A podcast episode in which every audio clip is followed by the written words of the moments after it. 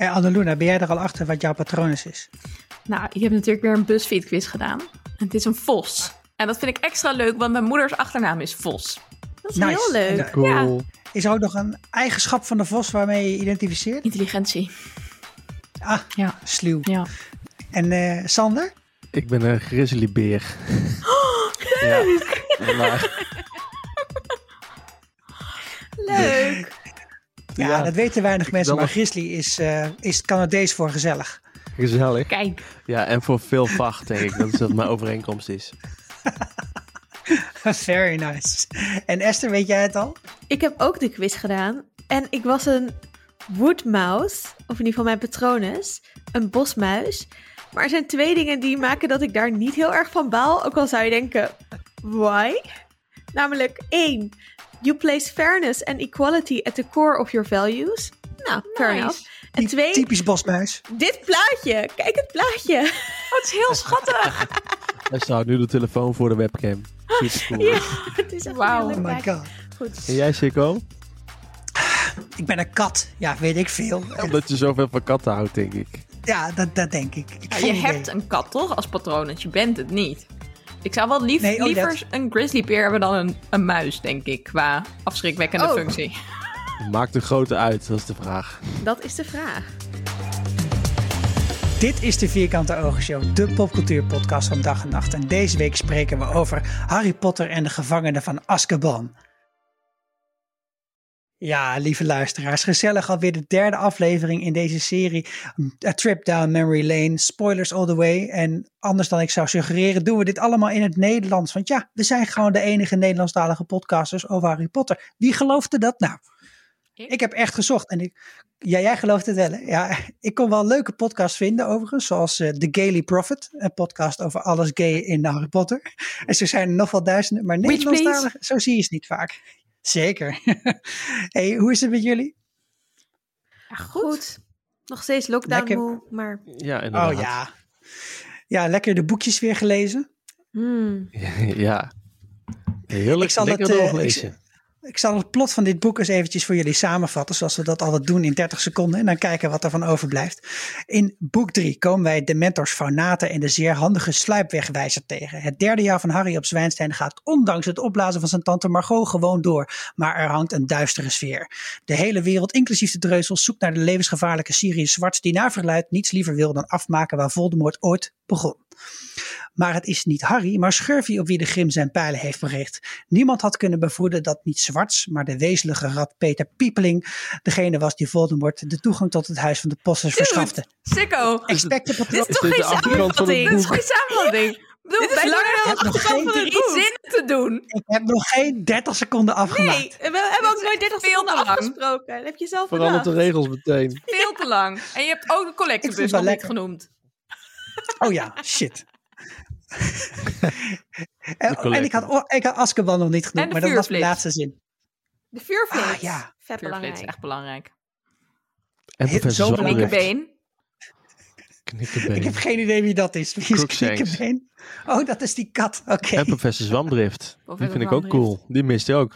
Zeker. De tijdverdrijvers. Mm. Ja, tijdverdrijven, super cool. Scheurbeck. Sherback. Zie, het kan zelfs niet eens in 30 seconden. Moet Jawel, je ik dacht- voorstellen. ik Dit dacht- is pas boek 3. Ik dacht eerst dat je de achterkant van het boek aan het voorlezen was. Het had dat Maar zo toen- kunnen zijn. Maar je hebt Dank Engelse je boeken, dus dat kon niet. Hey, Sander, toen jij dit eh, boek voor het eerst las, kun jij dat nog herinneren? Nee, maar ik denk dat ik de, van dit boek de film voor het eerst gezien heb. Het is heel erg. Oh, Wow. zeg. Ja. Gasp. Dus ik ben, toen, ik het, toen ik het boek heb gelezen, ben ik heel anders gaan denken over de film. dat is het. En, en toen heb ik ook besloten. En toen heb ik ook besloten om boeken en films over hetzelfde geheel als losse entiteiten te gaan zien. Ja, dat is mij best Heel wel goed wijs. bevallen. Ja. Ik heb dus geen eh, Eh. waardige herinnering aan hoe ik dat heb eh, beleefd, het lezen. Behalve, Esther, heb jij alsjeblieft een beter verhaal? Oh, tuurlijk.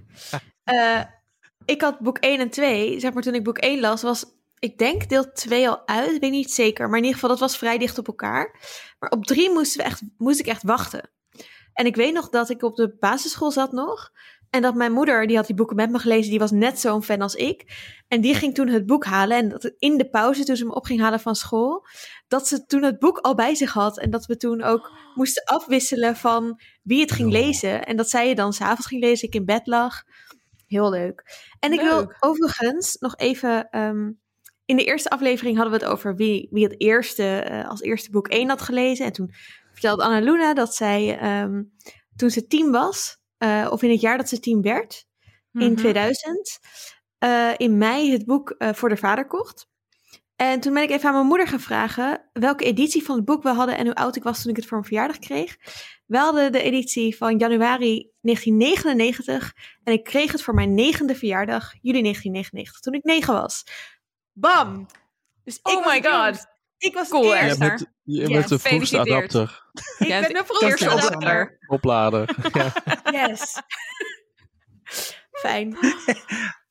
Nou, Annaluna, dat moet je zwaar eh, op de maag liggen, deze overtroeving. Ik sta echt 60 punten voor op de quiz, weet je. I can Ja, handle it. Ik moet ergens nu mijn, mijn Harry Potter fandom mee benadrukken. Dus vandaar de, al deze aandacht voor dit punt. Fair enough. Ja. Aan wie heb jij dit boek nep cadeau gedaan eh, in deze, de derde ronde? Ik heb dit Annalena? boek eh, gekregen voor eh, de kinderboekenweek. Dan mochten we altijd een boek uitzoeken, mijn broer en ik.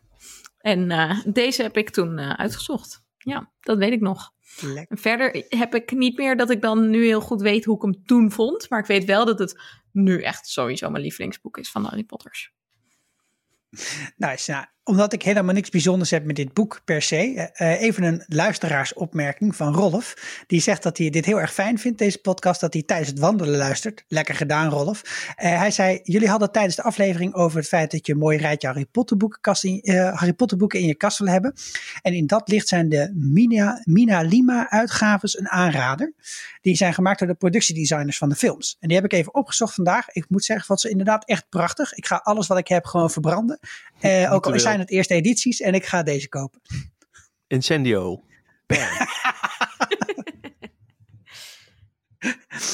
Hey jongens, speciaal voor de slijmballen hebben we een laatste vragenuurtje geopend. Wat zijn de vrij kleine vragen die nog aan ons knagen? En wat zagen we voor details toen we nog eens naar onze theeblaadjes onderin het kopje keken? Ik begin vandaag met Esther. Nou ja, ik wil wel allereerst even zeggen dat dit ook mijn lievelingsboek is. Ehm, en ik dit vaker hoor van, van Harry Potter fans. Dat dit boek heeft en waar we het vorige keer over hadden, wat heel leuk is, gewoon heel veel. Er gebeuren dingen op Zwijnstein, maar we gaan ook gewoon naar de les en we leren allemaal nieuwe vakken kennen. Ehm, je krijgt gewoon heel erg dat schoolgevoel, maar het heeft ook. Ja, dat ze, de, dat ze de weg kwijtraken vind ik zo schattig. ja, ja, ja, dat ze dat is echt een middelbare school. niet meer kunnen vinden. Ja. Oh. ja, precies. Ja. Eh, maar het heeft ook, zeg maar, hele belangrijke elementen van ehm, eh, eh, voor het grote plot. En oh my god, ik had het er net nog even over met mijn vriend, maar die Peter Pettigrew, Peter Pippeling onthulling op het eind, toen ik dat voor het eerst Ja. las, mega Wow. plot twist. Echt, ik bedoel, eh, Lubos is een weerwolf, plot twist. Maar Peter Pippeling weer is wat? Is een rat? Is? Dus ik wil gewoon even beginnen met, met mijn, als mijn observatie even props voor dit boek. En boek 1 en 2 zijn heel leuk, maar boek 3 brengt echt deze serie naar een hoger niveau in mijn observatie. Ja, en het is ook Zeker. echt wel relaxed dat je voor het derde boek in de reeks niet weer aan het einde tegen Voldemort hoeft. Dat is ook wel weer een keer, het- dat breekt zo lekker de reeks. Ja, en het is heel leuk Ja. dat je hier ook ehm, het, het speelveld wordt vergroot. Want we hebben natuurlijk de eerste twee boeken zit het gevaar eigenlijk binnen Zwijnstein zelf. En in boek 1 ga je natuurlijk, je gaat eigenlijk in allebei wel naar het verboden bos. Maar de grootste dreiging zit toch echt in het kasteel. En hier zie je eh, meer van de tovenaarswereld. Je ziet natuurlijk ook eh Zwijnsveld. IJsveld. En ehm, de collectebus, dus je krijgt wat meer inzicht in hoe die maatschappij werkt. En je hebt dat de dreiging eigenlijk via die Shrieking Sack als een soort van tussengebied tussen de buitenwereld en Zwijnstein komt. En dat is heel mooi, zeker ook in opmaat naar het volgende boek, wat natuurlijk ook weer echt gaat over een, een vergroting van de wereld. Echt, oh my god, dit boek. De wereld Ja. van het kwaad komt er dan bij. En dan wordt het ineens ongezellig. Ja, nu gezellig. Nou, dan gaan er doden vallen. Dit is ook nog wel een fijn boek in de zin dat het niet zo duister is nog. Echt Nee, waar. minder duister dan uh, 4 Aangebroken botten en daar zeg maar, het mee stadium kinderboeken is wel, zeg maar, wel voorbij na dit boek. Ja, Ja. het is al een stukje donkerder eh, aan het worden, zo eh, Ja. stap voor stap. Ja, over, over donker gesproken, de, de Grim. Ik, mij, mij viel gewoon nog iets op. De, in het Engels heet die, die hond de Grim. Eh, in het Nederlands ook? De of, Grim, eh, even ja. checken. De Grim, ja. En wat nou wel grappig is, is dat, eh, dat realiseerde ik me echt halverwege lezen een keer, dat Sirius Zwarts, die woont, of zijn familie woont op Grimmeld Place. Ah, ja, Of op Grimboudsplein. Leuk. dacht ik, hé, dat is wel heel erg toevallig dat dat allebei hetzelfde woord is. leuk. En ik heb ook nog een beetje eh, achter, eh, zeg maar, de, de grim is ook schijnbaar een heel erg typische Engelse traditie in, de, in het vertellen van horrorverhalen. Dat is gewoon een, een zwarte, duistere hond. Is eh, de Sherlock Holmes, de Hound of the Baskervilles, Ja, is daar een beetje op gebaseerd. Leuk. Hm. Ja, ik vind het wel eh, dat, eh, zeg maar, ik was het even vergeten, omdat in de film, nou, daar gaat het misschien over hebben, wat ze hiermee hebben gedaan, I don't know. Maar in het boek, dat iedereen dus die uit, een, uit de tovenaarswereld komt, echt, oh my god, de grim, nee, dat is echt, dat ze er allemaal in, echt in Ja. geloven, dat dat Ja, echt... mijn oom heeft er ook nog één gezien. Ja, zijn en die ging meteen dood. Ja. Dat vond ik wel grappig om zo te lezen. Dat, nou ja, blijkbaar zijn mensen daar echt heel bang voor. Zeker. Ja, Ik heb mij, wat eh, vertaaldingetjes. Oh. Ja, jij mag eerst aan Luna, dames gaan voor. Oké, nou, dat wat lief van je. Ik wilde het namelijk net hebben over eh, een dame. En iets wat dus opviel bij het herlezen en ik toch eigenlijk minder grappig vond nu. Ehm, de scène waarin eh, eh, Marcel Lummermans de boeman moet bestrijden. En professor Snape, de meest gehate professor natuurlijk van allemaal, ehm, ineens verkleed is als zijn oma, als Marcel's oma. En ehm, gelet op wat J.K. Rowling de afgelopen tijd aan uitspraken heeft gedaan over transpersonen, vond ik Ja, dit ineens dat niet zo lekker aan de verf. niet zo grappig als ik het vroeger vond of zo. En vroeger was het meer natuurlijk van, oh, dit is echt een hele vervelende docent en die kleding is een beetje afwijkend of zo. En nu lees ik het veel meer als, oh, wat een vernedering, een man in vrouwenkleren. Dus dat, dat verandert ook echt je ervaring van lezen soms. Ja. Ja, gelukkig zijn we er nooit achter gekomen wat Ridiculous doet op een dementor. Want dat was waarschijnlijk ook verschrikkelijk geweest. Er- wat- en- want? Nou ja, dan was er, nee, dan was er waarschijnlijk ook andere kleren voor een dementor Oh, geweest. Oké, sorry. Dus wel, het thema is wel vaak kleding, ja, trouwens. Bij die, eh, Ja, want ook sorry, rolschaatsen krijgt die spin. Ja, Ja. in het, op de film. Hey, over die les trouwens, hè, als, als docent vond ik het wel heel cool om te zien dat, eh, dat je daar eh, professor Lupos voor het eerste keer iets anders ziet doen dan alleen maar kennis overdragen. Ja, Dus ze moeten dan wel oefenen met die bezweringen, weet je wel, bij eh Wingardium Leviosa. En eh, ze, Leviosa. Je, je krijgt er wat van mee, maar het is vooral vaardigheden en oefenen. En hier moet ze ook zelf nadenken. Eh, ik, vond, ik werd er wel blij van. Ik vond het wel een van de eerste keer dat je ook denkt: oh ja, er werken ook goede docenten op Zwijnstein. Daar werd ik heel Ja. werd ik gewoon ook, gelukkig van. deze man heeft ook echt een lesplan. Dat helpt ook. Die heeft een duidelijke lijn Ja, erin zitten. Maar ook, wat ik ook gewoon heel sterk vond, en het ging dus gaat het niet alleen over kennis, maar je kijkt ook altijd gewoon naar, naar je leerlingen, wat hij met Marcel deed. Kijk, losstaand van heel het punt over die eh eh, Snape in vrouwenkleding, ging hij hem wel helpen met zijn onzekerheid. Ja. Dat vond ik heel cool. Zeker. Dus dat hij zag, hij heeft er een probleem mee. En in het boek zie je, eh, is dat nog duidelijker. Want dan zegt, Sna- zegt Snape van ja, eh, aan, aan, Lubbermans, daar heb je helemaal niks aan. En dan gaat Snape weg. Want dan gaan ze die boeman in de lerarenkamer verdrijven, geloof ik, de eerste keer. Zo gemeen. En dan gaat hij hem helpen. Ja, het was, het was gewoon, eh, dat vond ik heel cool om te zien. Ja. De goede Iemand die nog wel een beetje aan zijn syllabus moet werken, dat is eh, Hagrid. Eh, zeker Ja. omdat hij naast de eerste les weer helemaal terug moet naar eh flobberwormen. Sad. Ik vind het ook mooi dat iemand dan vraagt aan het einde, hoe gaat het met je fluppenwormen? Zijn dood. te veel sla. het is wel sla. Maar wat ik, wat ik wel leuk vind daaraan is dat, eh, dat er een beetje zo'n mooie combinatie wordt gemaakt van eh, dieren die echt zo bestaan al heel lang in volksverhalen en dan al- allemaal wezens die erbij verzonnen worden. Dus zo'n boggart is ook weer zo'n voorbeeld van, nou ja, dat is, dat is, dat is echt wel een mooi verzinsel. Dat, dat is nog niet een, er is niet een boek of zo over een boggart. En ehm, de hippogrief is er schijnbaar eentje. Ik heb zo'n boek liggen, dat, eh, dat is van, een, eh, eh, van het Britse, de, de library, waar een keer in Londen een hele tentoonstelling was over Harry Potter. En dan blijkt ook wel dat over de hippogrief eigenlijk niet zo heel erg veel bekend was. Dus daar heeft ze blijkbaar ook een heleboel moeten bedenken. En ik vind het heel leuk dat, dat idee dat je respect moet hebben voor dieren, omdat ze anders niet uh, met je samenwerken. Dat vond ik echt super leuk aan die scène. Die hippogrief komt dus uit de 16e eeuwse um, uh, dichter Ariosto, volgens mij, heeft hem bedacht. Echt leuk. Vind ik echt leuk. Die, die zat gewoon eh, die zat op een verkeerd theeblaadje te kauwen en die dacht, dit wordt mijn dier. Ja. Let's mix hem up. Feest. Uh, over die, dat, dat verhaal met die hippogrief, of dat, dat, dat die verhaallijn.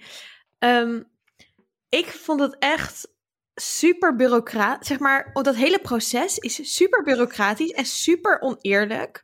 En echt best wel raar dat. Sowieso is het natuurlijk allemaal dat Lucius Malfi dus op in de board zit, die dan weer dat kan aanklagen en weet ik veel wat, is natuurlijk nee, gewoon... Hij was, hij was uh, verwijderd van de board.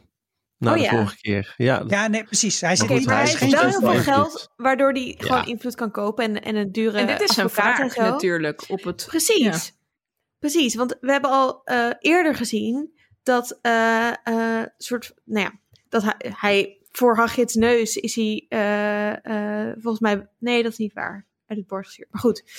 Ehm, maar wat ik wilde zeggen eigenlijk is dat eh, het heel raar is dat die kinderen die erbij waren helemaal niet als getuigen mogen optreden tegen uh, Malfides verhaal. Want je hebt uiteindelijk wel het verhaal van één leerling tegenover een soort van heel De veel andere leerlingen.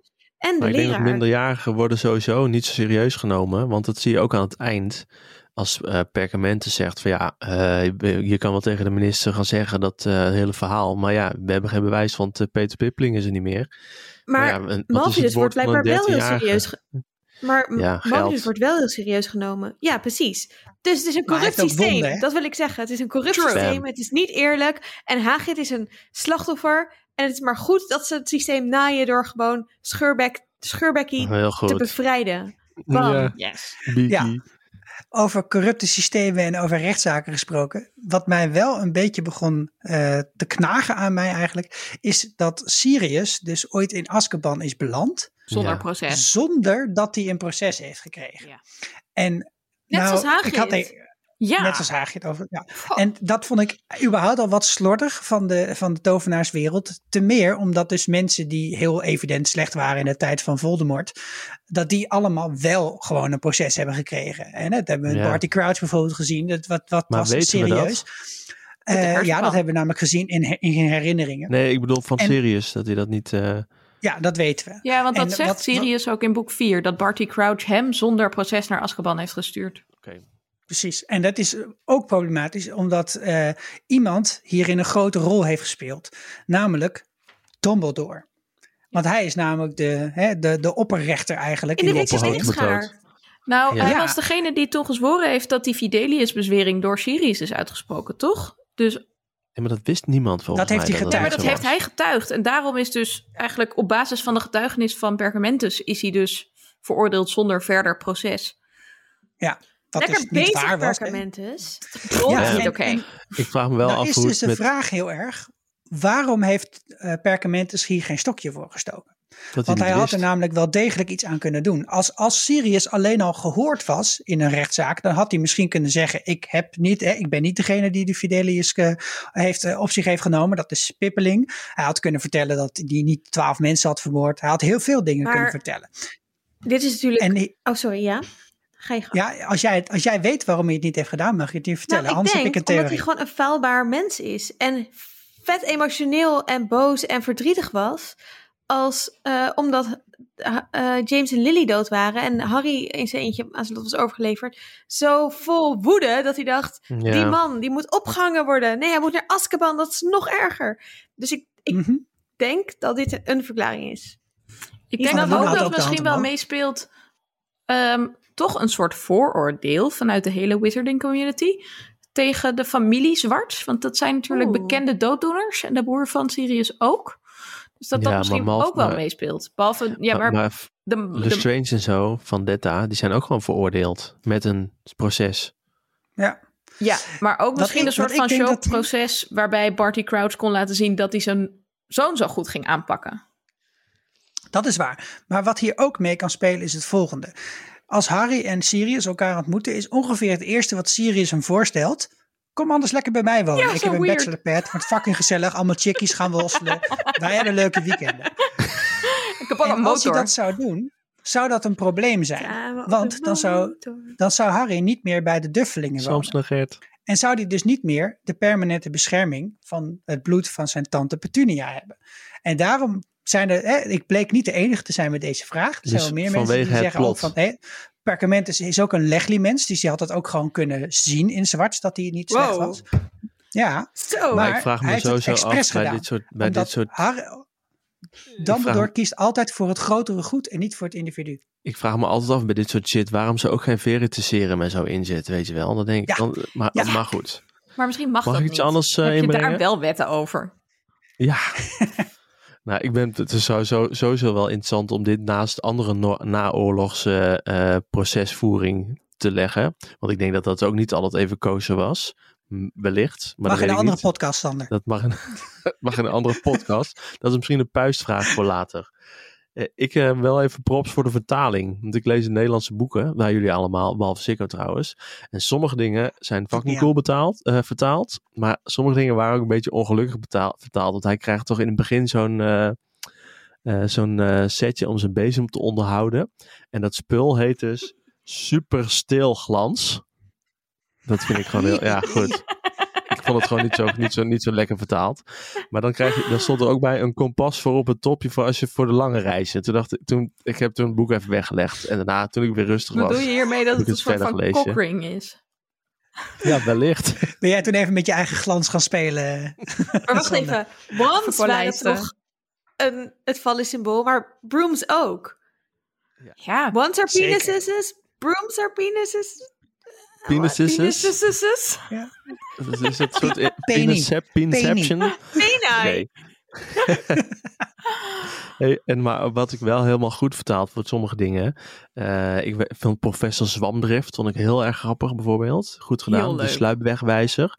Maar bovenal de collectebus. En ik begreep dat in het begin niet zo goed. Dacht ik, huh, waarom heet het nou de collectebus? Maar ik dacht in de film, de Nightbus, nou logisch, dat is een bus die gaat in de nacht tovenaars oppikken. Maar dat is Night als in ridder. En dat is om gestrande tovenaars te redden. En daarom vond ik de collectebus zo mooi gevonden. Omdat natuurlijk die bus, die redt collectebus is gestrande tovenaars. Super cool. Over Minder de sluipwegwijzer. Ja, Ja, dat is toch wel een heel erg fijn apparaatje wat, eh, wat Harry daar krijgt. Ik vond het bijna ongeloofwaardig dat eh, Fred en George dat weg zouden geven. Hmm. Ja, ook. Vind Ik ik, snap ook. niet zo goed waarom. ik begreep dat ook En- niet. Ik vond het ook vervelend dat ze Peter Pippeling nooit eerder hebben gezien. Vind ik ook raar. Die lag de hele tijd in bed met Ron. Ja. Ja, Maar je hebt natuurlijk zij wel denken dat Ron heeft al, al jaren een relatie met een man. 400 krioelende stipjes. Hè? Dus ik vind het altijd best wel dat Harry snel gevonden heeft wie die dan moet hebben. ja, maar misschien eh, kan je verschillende vinkjes aan en uitzetten. Dat je dan... eh, Ik ben ook benieuwd hoe het algoritme van de schuifwegwijzer Ja. werkt. Ik ook. Zit er een Street View op? Wordt al die data wel veilig opgeslagen? hey, maar je had het net over zwamdrift, Sander. Mijn Ja. favoriete scène in dit boek is denk ik toch wel die scène bij het kerstdiner. Waarbij professor Anderling Ja. en professor Zwamdrift echt een soort van koude oorlog aan het uitvechten zijn. Ja. En dat is zo intens salty, de- dit gesprek. Het is en vooral aan het einde de- met de X-Men in de, bij de entrance hall. Ja. Dat, dat, dat zegt ze, dat vind ik zo grappig. Het is Maar ze zegt ook, ja, ik ga geen kwaad spreken over mijn collega's. Maar ga het nu toch doen.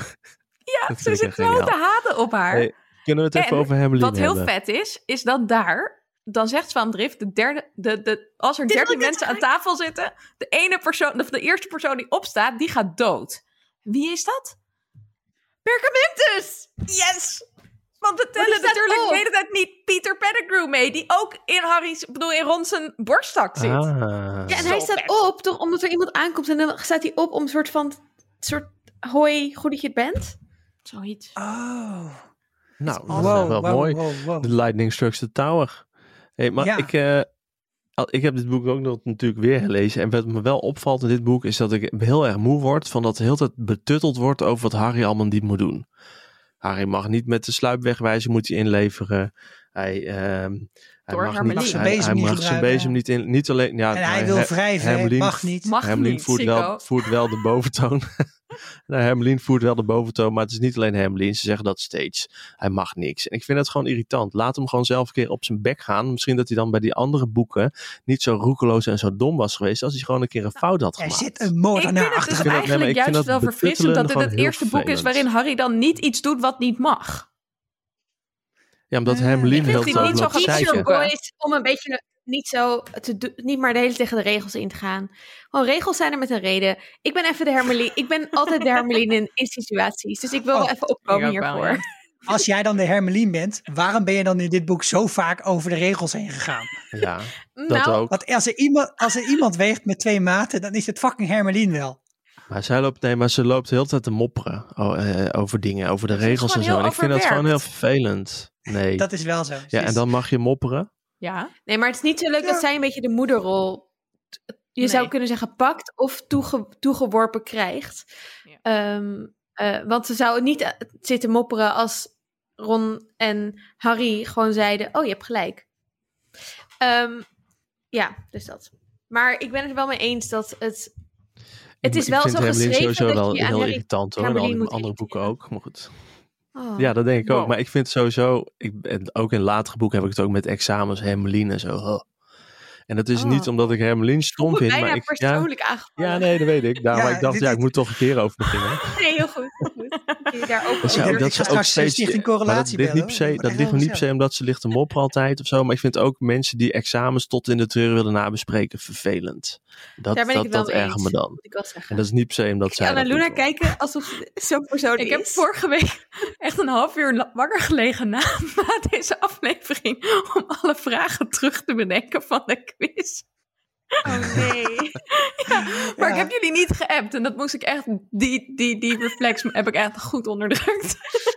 Ah. En, en- en- ik moet hier toch een, eh, een klein lansje breken voor Sander, want die heeft met mij gestudeerd. En ik ben het wel ook zo iemand die dan daarna eens even rustig met de andere nerd uit de klas Oké, Sander. het tentamen helemaal doorloopt. Terwijl je weet dat het je allemaal hier. goed was. Ik vind het, ja, dat vind ik er ook zo irritant aan. En dat is Her Hermelien ook. Van, oh, ah, bij vraag 6 had ik dit. Denk Nee, je dat het dat goed is? godver, tuurlijk is het goed. Ik had iets heel anders. Hou je mond.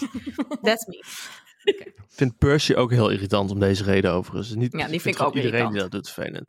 Kunnen we het nog even hebben over de bijnaam van James trouwens? Wat de fuck is een gaffel? Het zit op Gaffel? een boot, toch? Ja, dat ook het dit een op een boot. gewei was. Maar Ja, het is ook een gewei. Maar wat, bedenk even Wij. wat beter. Doe dan Rudolf of zo. Dat is een rendier is iets anders. Denk ik niet. Oké, dat is niet helemaal waar. Maar, Oh, nee, stronkie. Wat zou je van stronkie zeggen? Ja, hecht.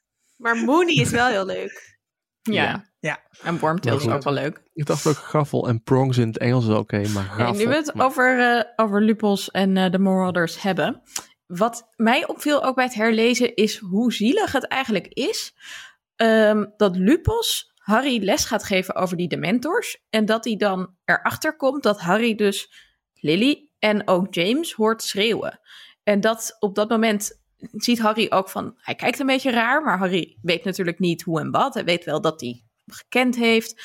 Maar hoe verschrikkelijk moet het zijn dat jij, Esther, bijvoorbeeld later kinderen hebt en dat ik dan die kinderen bijles ga geven en dat die dan jou horen schreeuwen en dat ik jou dan nooit meer kan spreken? Oh no, Heel verschrikkelijk. sad. In dit Ja. scenario ben ik Ja, dood. Hmm. En Ja, ik dat is heb ook heel wel sad. een beetje moeite met dit detail, als ik heel eerlijk ben. Want het, Harry was één. En ze maar, vrij algemeen bekend. Probeer het anders thuis eens, lieve luisteraar. Om je, dat je niets herinnert van ongeveer voor je derde of zo. Dus waarom kun je dan wel dit als een soort herinnering terughalen. Magic. Waarin je ook Magic. Magic. precies hoort wat er is gezegd. Sowieso magic. Sowieso magic. Ja, ik, dat, dat gaat er bij mij toch niet helemaal in. Ik vond het natuurlijk wel heel leuk om te lezen. Want ik dacht, oké, super interessant. Lees ik had over die dood van die ouders. Eigenlijk de enige reden waarom ik die boekenrace lees. Maar toch, een beetje raar. Is de enige reden dat jij de boeken leest vanwege de dood Ik van probeer af en toe morbide dingen te zeggen. Helemaal. Nog even een heel klein viooltje voor Crookshanks. Kru- eh, die, die krinkelbeen of zo. Knikkebeen. Die. Wat ik echt best wel knap vond aan het boek... is dat ik echt gewoon de hele tijd denk... wat een tyfuskat is dat zeg. Wat een Ja. ongelooflijk irritant rotbeest. Wat jammer dat het mijn patronus is. Hmm. Maar Hmm. hoe gaat Crookshanks, knikkenbeen, naar de weg is weg om daar een bezem te kopen. Ja, nee, maar hij hoe was doet hij niet geweest. Hij hij lopen brief, naar Londen? Gaat hij had een verschijnselen brief naar het postkantoor gebracht. in Hij Zwijnsveld? brief Met de naar het trein. post- Ja, Gaat met de trein. Ja. Hm. met de een brief trein. naar het met postkantoor in de, de Hogwarts Zwijnsveld Express die twee keer per jaar rijdt. Net zoals Shanks of zoiets in, in, in Cats. The Cat of the Ja? Railway thingy. Oké. Ehm, ik heb nog iets. Oké. Het favoriete eh, personage in de boeken, in alle boeken, in heel Harry Potter, van mijn vriend. Oh ja, daar wil ik nog over hebben, dat wist ik. Sir, Sir Cadogan. Ja, Sir Palagon. Dat schilderij wat soort van, als de dikke dame is eh, aangevallen door Sirius, dan komt er een schilderij van een ridder. En die gaat de hele tijd echt super stomme grapjes maken en hele moeilijke wachtwoorden. Elke dag een ander wachtwoord. Het spreekt iedereen aan alsof ze een soort van tegenstander zijn. En het is hilarisch. En het, Hij heeft een ik moest ook zeggen dat hij echt snapt is in de film en dat het belachelijk is dat hij niet in de film zat. Ja, True. maar hij, Hij zit zit wel in de extended eh, te versie. weinig. Oké, oké, oké. Maar Sander heeft nog iets over eh heer Kneggedeng. Ja, heel k- k- k- denk, denk. Die is dus een ridder van de ronde tafel. Serieus. Mhm. Toen- hij was toen al aan de ronde tafel bij Arthur en zo en al die gasten. En uiteindelijk wel als tovenaar dus, maar wel onder het geheimhoudingsding. Want het was toen nog niet in de wet, maar hij was wel geheim. En uiteindelijk is hij dus opgedragen eh, om eh, een of andere Weelse draak eh, kapot te maken. Dat heeft hij geprobeerd. maar toen is hij zijn cool. ja, toen is hij zijn paard verloren, is zijn vizier dichtgesmolten en is zijn toverstok doormidden gebroken. Toen is hij, ja, toen is hij ten nauwe nood gevlucht. Heeft hij het eerste dier wat hij tegenkwam, een, over, eh, een, over, een pony met overgewicht, die heeft hij genomen. Heeft hij het nog een keer geprobeerd, is hij opgegeten. En omdat zijn toverstok kapot was, zijn alle gassen ontstoken en is de, draag, de draak ontploft. Wow. Dus cool hè? Wow. Ja. En, eh, en nu zeggen ze nog steeds, eh, ze zeggen nog steeds, als ze uit een benarde situatie toch het mooiste willen maken, zeggen ik neem wel even de pony van Sir Palagon. Toch cool? Nice. Dit is echt way more informatie dan ik had bedacht, maar love it. En hiervoor doe je het, lieve luisteraar, voor deze achtergrond shit. Ik zag trouwens nog wel één over eh, eh, één eh, gelijkenis tussen een andere eh, leuke en favoriet filmpersonage of boekpersonage uit een andere serie. Namelijk dat eh, Harry, die, die is degene die Peter Pippeling spaart. Hè? Mhm. Dus uit een soort medelijden zegt hij van nou, Ja. hè, laten, we nou eh, laten nou op zijn minste eh, even het terechtstellen in plaats van dat we hem hier gelijk doodmaken. Beetje En dat heeft uiteindelijk heel veel betekenis voor het verhaal. En dat deed mij toch heel erg denken aan Bilbo en Gollum. Ja. Ja. Dus blijkbaar is, is toch een soort van eh, Trope. medelijden is een belangrijk leidmotief in de fantasy. Wat vonden jullie eigenlijk van dat hij zichzelf als eh, Marcel voorstelde in de nachtbus en in de collectebus Fucking vet is dat. Het is gewoon zo cool. vet dat je daar al meteen een soort van... Ook omdat Stan Sandpike zo zegt van... Ja, maar dreuzels zien alleen wat ze willen zien. En dan... Oh, je hebt hier zoveel dingen al van Maar ook dat mensen die zeg maar onder je neus zijn, iemand anders Ja. is. En inderdaad, dat. En later is hij vet gemeen tegen Marcel als hij, als hij ze samen hun vrije zaterdag, dat wil Marcel gewoon met Oh, ja. Harry spelen. En dan zegt Harry, nee, sorry, ja, nee, ik moet echt iets belangrijks doen, doei! Ja, Dat is Oh, zo nee. lullig. Echt Zullen zo elkaar stilpolijsten. Goed. voordat het hier al te frisky wordt, denk ik dat het tijd is voor de bliksemronde. Yes. Oké. Nou, omdat dit iedereen's favoriete boek is. Of nou, van, van sommige mensen. Ehm, heb ik een extra moeilijke quiz. Ehm, vijf vragen. De punten gaan min of meer zoals we dat gewend zijn. En zijn jullie er klaar voor? Onafvolgbaar. Born ready. Oké, de eerste vraag. In de zomervakantie krijgen de Duffelingen bezoek van tante Margot. Die Harry later natuurlijk opblaast. Tante Margot is fokker van honden. Welk ras fokt zij?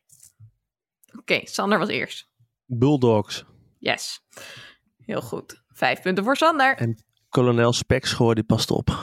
Nice. Weet je ook hoe, hoe de hond heet? Eh ja. Dat weet ik even niet. Krompie. Oké, tien punten voor Sander. Wow, zo. Dit is hoe dit gaat. Verdiend. Jezus. Verdiend. Oké. Hoe heet de winkel voor zwerkbalbenodigdheden op de weg is weg? Oeh. Oh, ja. Uh, Sander? Is, krijg je ja, minpunt als het fout is? Nee. Is het niet zwa zwachtels werkbalvoorziening of zoiets? Iets met zwachtel, zwacht, zoiets. Met een Z. Ja, Zwik en Zwachtels werkbalpaleis. Maar weet je, hier ga ik toch geen... Uh, ja, hier krijg je nee. vijf punten. Al die Nederlandstalige bullcrap. Genade, een genadesessie. Oh, wat is het dan in het Engels, okay. Sikko? Ja. Volgende vraag. Sikko. Quality Quidditch Supplies heb ik ook opgeschreven in oh, het ja. document voor het geval Sikko moeilijk ging doen. Op weg naar de eerste les verweer tegen de zwarte kunsten komt de klas met professor Lupos Foppe de Plaaggeest tegen. Die is net bezig kauwgom in een sleutelgat te stoppen. Professor Lupos leert de derdejaars een handig spreukje. Hoe luidt dat spreukje? Kijk Sander, jezus. Gummibommy. Ja, goed. Gummibommy. Sander. Echt on is fire. Is dat rictum sempra in het Engels? Nee. Oh. In, in het Engels is het wadiwazi. Jezus. Ja, maar het klinkt heel dom. En ook een beetje van, nou, ze had geen zin meer. Maar ik heb het opgezocht dat het is een soort samentrekking uit Zweeds en Frans. Wauw. Anyway. Vraag 4. Harry komt met behulp van de sluipwegwijzer illegaal in Zwijnsveld terecht. En, geheel in character, brengt hij daar een bezoekje aan de Drie Bezemstelen, waar hij illegaal boterbier bestelt. Eenmaal daar moet hij echter onder een tafel duiken, omdat er een groep leraren van Zwijnstein binnenkomt. Hoeveel pinten gloeiwijn bestelt Hagrid? Sikko. Zes. Nee. Esther. Esther maar eerst. Acht. Nee. David. Zeven. Nee. Vier. Mm. Niemand Oh, De moeilijkste De vraag van allemaal. Ook aan tafel zit professor Banning. Wat drinkt hij? Oh ja, oh. oh. Ja, Iets. David. Sander. Iets met een ananasrietje of zo. Iets een gek rietje Ja. had hij. Iets, iets met een, Limonade met een rietje. met een parasolletje erin of zo. Maar welk drankje is het? Limonade. Nee. Mm. David. Geen pina colada. Sikko? e- eerst de pina colada. Het is geen pina colada. Oké, Pims, Pims. Oké, het is een kersensiroop met soda, ijs en een parasolletje. Nou, maar Esther, het parasolletje krijg je gewoon toch 15 punten. No. Yes. Fucking random. Krijg gewoon 15 iemand de punten voor een jury parasolletje. Dus dat hard nodig, betekent jongens. Voel je niet bedreigd door Parasolletje kun je mij. de tussenstand na deze ronde voor 30 punten Sander, voor 15 punten Esther, voor 0 punten Yes. Sikko. Lekker sick. Maar volgende week er bij nog de even in. Volgende week maak ik de quiz. Ja. Kun je die punten scoren? Boom. ja, graag meer een denkquiz dan een feitjesquiz. Ehm, Ik dacht, ik, Ik doe het op drank, maar- Sikko. Dit is jouw Ja, ding. Sikko. Je had een voorleesquiz. Kom op. ik doe geen verhaaltjes sommen in, half, halve geval. verhandeling. een verhandeling over zwerkbal.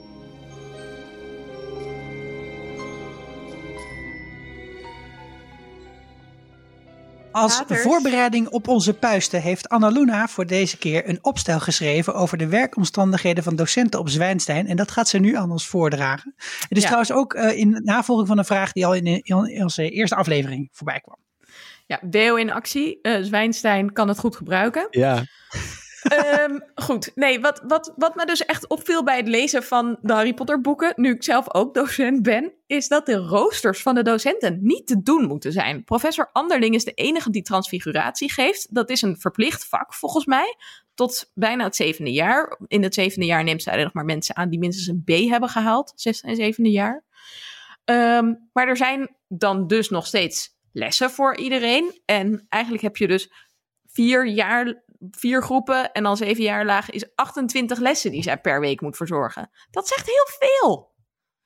Misschien Dat kan kan ze eigenlijk lessen bijna van- niet. Misschien kunnen ze ook les van anderen van vorig jaar met een soort hersenpanprojectie naspelen. Een soort hologramachtig ding. Astral Oh, ja. projection, net zoals in Ja. One Flip the Division. classroom. Ja, cool. Ja, ik denk Nee, gewoon ja. een soort blended learning, maar dan nieuwe stijl, magisch. Bam. Maar misschien is het ook wel een groter punt, namelijk dat we eigenlijk niet echt merken dat eh een van de leraren op Zwijnstein een leven heeft naast school. Wat ook niet zo raar Nee. is, want de boeken worden verteld vanuit Harry. En die is daar niet bijzonder in geïnteresseerd. Maar je bijvoorbeeld merk je wel, de, de afdelingshoofden blijven in elk geval altijd ook tijdens de schoolvakanties op school. Dus je vraagt je een beetje af, hebben die thuis een gezin wat ze alleen in de zomervakanties zien? Of zijn ze allemaal gewoon lid van een soort cult? Ik heb over laatste. professor Anderling dingen opgezocht. Ik denk dat het sowieso een cult is, maar dat ik sowieso Zwijnstein sowieso een plek is voor beschadigde mensen zonder relatie die daar mogen werken. Kijk maar naar Snape, Au, naar Pergamentus, naar Slambrim. nou ja, ik bedoel, het is toch zo? Kijk maar naar al die docenten, bijna. Nee, Anderling, die, eh, eh, die, heeft, die, die is verliefd geworden op een boer ooit. Die heeft haar ten huwelijks gevraagd, maar dat was een wacht, dreuzel. wacht, wacht, wacht, gezegd. Ja, nee, maar ik, ik, ik kom bij een Nee, punt. maar, is dit, maar is dit wat jij denkt dat er gebeurt? Of is dit ergens backinfo die ergens staat? Nee, die heb ik opgezocht. Deze, deze informatie staat op Potterpedia, ja, ja, weet ik veel. Dat ze in de, ze, ja, de, de schrijfster heeft nog allerlei dingen geschreven na de hand, hè? Die, eh, op maar heel die het website en Pottermore en zo. Nee, oké. Nee, Nee. maar ik had het ook Oké, heel leuk gevonden als je het zelf had de- bedacht. Dus ik wil het checken. Nee, Nee, nee, nee. nee, nee. Vertel Ze is, vertel. dus, Ik maar wil goed, gewoon... ze, eh, ze is getrouwd. ze was ten huwelijksgevraagd door een dreuzel, maar dat wilde ze niet. Nou, toen heeft ze het Oh. niet gedaan, omdat ze, het niet, dat ze niet het toverstok wilde opbergen voor altijd. Nou, toen is ze getrouwd met, eh, even kijken hoe die heet, ik heb het opgericht, Adelbrecht als je trouwt, mag je het Bezijdenbos. toch gewoon vertellen? Bezijdenbos, leuk. Ja, geen idee. Maar met een magier is hij getrouwd. En die heeft een eh, huisje in Schotland gekocht. Dat, zodat ze iedere keer op en neer kon naar Zwijnstein en terug. Iedere dag. Oh. Alleen die is na drie jaar eh, overleden. Omdat hij een of andere vergiftigde magische plant was gaan staan. dus toen is ze maar weer op Zwijnstein gaan wonen. Het is zo zielig. Ja. Ja, en overigens, toen, toen, eh, toen Anderling solliciteerde, was dat bij het hoofd, afdelingshoofd, de sectievoorzitter van de transfiguratie. En dat was Perkamentus. Dus het suggereert wel Oh. dat er toch secties Hmm. zijn of zo. Dat ik je ging zeggen ik- dat er toch iets van sexiness is tussen Anderling en Dumbledore. Ja, we hebben het vorige week Ja. er ook al over gehad. Maar ze hebben het wel steeds over de leraar. eh, de leraar drankjes of de leraar dit of de leraar dat. Dus het suggereert wel verder dat er niet heel erg veel, dat het niet een hele grote teammeeting is als het, eh, als als het over transfiguratie gaan hebben met z'n allen. Wat ik dan heel inefficiënt vind, is dat Harry zijn klas steeds les heeft met één ander huis. Ze hebben Nou, altijd of dan, gewoon in eh, een eentje. Dus gewoon sommige eentje, zijn alleen ja. de Gryffindors. Maar ik, ik vind dat eigenlijk wel weer heel erg passen bij het idee van zo'n kostschool. En bij het idee van heel erg elitair onderwijs. En het is natuurlijk zeker omdat het praktijkonderwijs is. Ik bedoel, ik kan me heel goed voorstellen dat je liever aan acht kinderen tegelijk leert hoe ze hun glas in een theepot moeten veranderen of zo. Of Ik snap niet ik dat ze dat niet gewoon met heel de school tegelijk doen. Eh, Ja, je dat ze ziet de momenten waarop ze met z'n allen gaan toveren echt heel snel in chaos ontstaan. is wel zo, Toch? ja, Bijvoorbeeld bij die duelleerclub heb je dat meteen. ja, Maar dat is geen les. dat is een club. Ja, daar, zie je wat het beetje- misgaat, want dan mag iedereen komen. Ja. ik vraag me af hoe, zeg maar, of er ook diensten zijn dat je, zeg maar, moet surveilleren op de gang als leraren. Want als ik daar zou werken en, ik, en mijn hele leven zijn, zou ik dus elke avond in de drie bezemstelen zitten. Maar, oh, als Harry over... Elke keer dat Harry onder die mantel over de gang loopt, komt hij random een leraar tegen. Die dus Ja, maar het is wel altijd Snape, toch? Die kan gewoon niet echt slapen, denk may- ik. maybe ja, dat zou kunnen. Dat Maar ze hebben gewoon- wel surveillance diensten, toch? Want op een gegeven moment zegt dan, Ja, ja. Ze hebben examinator. zeggen wel mensen van, oh ja, ik moet nu Professor surveilleren. Tofty. Je moet dag en nacht moet je in die school zitten. Ja. Ik denk dat ze gewoon heel veel seks met elkaar hebben onderling. Want ze moeten wel. Want je kan niks anders doen. nou Dan ja, moet je anders met je toverstand Of Dus dit die standbeelden ook dat soort shizzles kunnen. Ja, maar echt, hoe oh fucking weird, kinky zijn dat moet eigenlijk die... sekspoppen? Ja, het moet echt fucking kinky zijn hoor, als die gasten seks hebben met elkaar. Ik Hè, heb nog een theorie. Anderling die verandert zichzelf dan ineens in een veulentje, weet je wel. Of eh, er, er komen allerlei objecten bij kijken. Dan gaat je lul Hoe magisch moet een orgasme zijn als, als Flitwick bij jou gewoon eens even lekker onder de deken gaat. Echt waar. Heftig dit. Ex- extendo orgasmen. Dat is ook een heel bekende oké, spreuk. Ja, Bezweren kun je Duurt een uur. Die waarschuwing die ik gaf in aflevering 1 voor tienjarigen is wel ja, je echt hebt gelijk. Je hebt Ja. gelijk. En als je wat ouder bent, heb je expecto erecto. Hé, hey, maar eh, That's what she said. Ja, inderdaad. Ik Maar goed, denk dus dat eigenlijk ze misschien hebben ook die, alle- dat er nog meer geesten les geven. Maar dat we het niet zien. Dus we hebben professor Kist. Nee, nee, nee, want er wordt misschien gezegd is, dat dat de eh, enige geest is die les Ja, geeft. dat is waar. Hmm. staat expliciet in het boek. En ik zit proberen te rekenen, maar het is moeilijk. Misschien zijn de geesten wel een soort van teaching assistants. Dat ze helpen met nakijken. Ja. Dat is best wel handig. Die paarden Ook ook. dat moet je toch kunnen automatiseren als docent. Zeker als je zeg maar allemaal spreuken kunt. Maar ik ben ook gewoon heel Ja, benieuwd dat hoe kan dat denk hele... ik wel. Maar hoe werkt het als je docent bent en je wil beter worden in docent zijn? Als dit de enige school is, de wizarding school in Engeland, heb je dan een internationaal trainingsprogramma voor docenten? Of gaan ze gewoon, ik denk het niet, want eh, alles wat muggels doen is kut. Maar ze zouden zich natuurlijk gewoon kunnen inschrijven bij een of andere muggelopleiding voor leraren. Met Want ik denk dat het heel anders is of je een soort van excellente docent bent in de wizarding world of niet. Ja, Nee. Dus, Nee, ik ben het er mee eens. En eh, deze mensen zijn docent omdat ze ergens heel lang heel goed in zijn en dat ze veel praktijkervaring hebben. Maar dat wil niet zijn dat je goed les Ja. kan geven. of omdat ze nergens anders naar- aan de bak kwamen natuurlijk. Kijk maar naar veel promovendussen die les moeten geven. Promovendi. Sommigen hebben talent, maar de rest is gewoon kut. Het is gewoon zo. burn het is toch zo? Wel echt waar. Nee. Hey, ik ben aan ik, eentje nee, met ik talent. zeg, ik zeg niet burn aan Luna, maar sommigen kunnen dat gewoon niet. Het is gewoon je hebt zo. gelijk. Bovendien ben ik maar al leraren Ik voel me niet aangesproken. Ja. Maar er zijn ook veel leraren die helemaal niet goed les kunnen geven, maar die wel een awesome Precies. onderzoeker zijn, maar die dan alleen maar over hun eigen onderzoek zitten te lullen in, voor de klas. Dus inderdaad, het hoeft helemaal niet te zeggen dat je de goede leraar bent. Dat He- heb je denk ik bij ook- professor Bins. Dat denk ik. Ja. maar doen ze ook onderzoek eigenlijk, deze eh, docenten? Nou, dat denk ik wel. Want, nou, je weet niet zeker of het deze docenten zijn. Maar het zou wel kunnen, want je hebt natuurlijk wel het tijdschrift Transfiguration Today. Precies. En dat is natuurlijk wel, ik zie dat wel echt als een soort van A-journal. Waarin de age index magic factor echt zo heel erg Nou, en ook het, eh, het drankje wat eh, Lupos moet drinken om dan geen weerwolf te worden. Een beetje onsuccesvol in dit boek, maar hè, dat, dat is ook een recente uitvinding, wordt gezegd. Ja. En de enige die het kan maken is ook Snape. Ik denk, het zou handig zijn, hè? See one, do one, teach one. Gast, leer het zelf ook.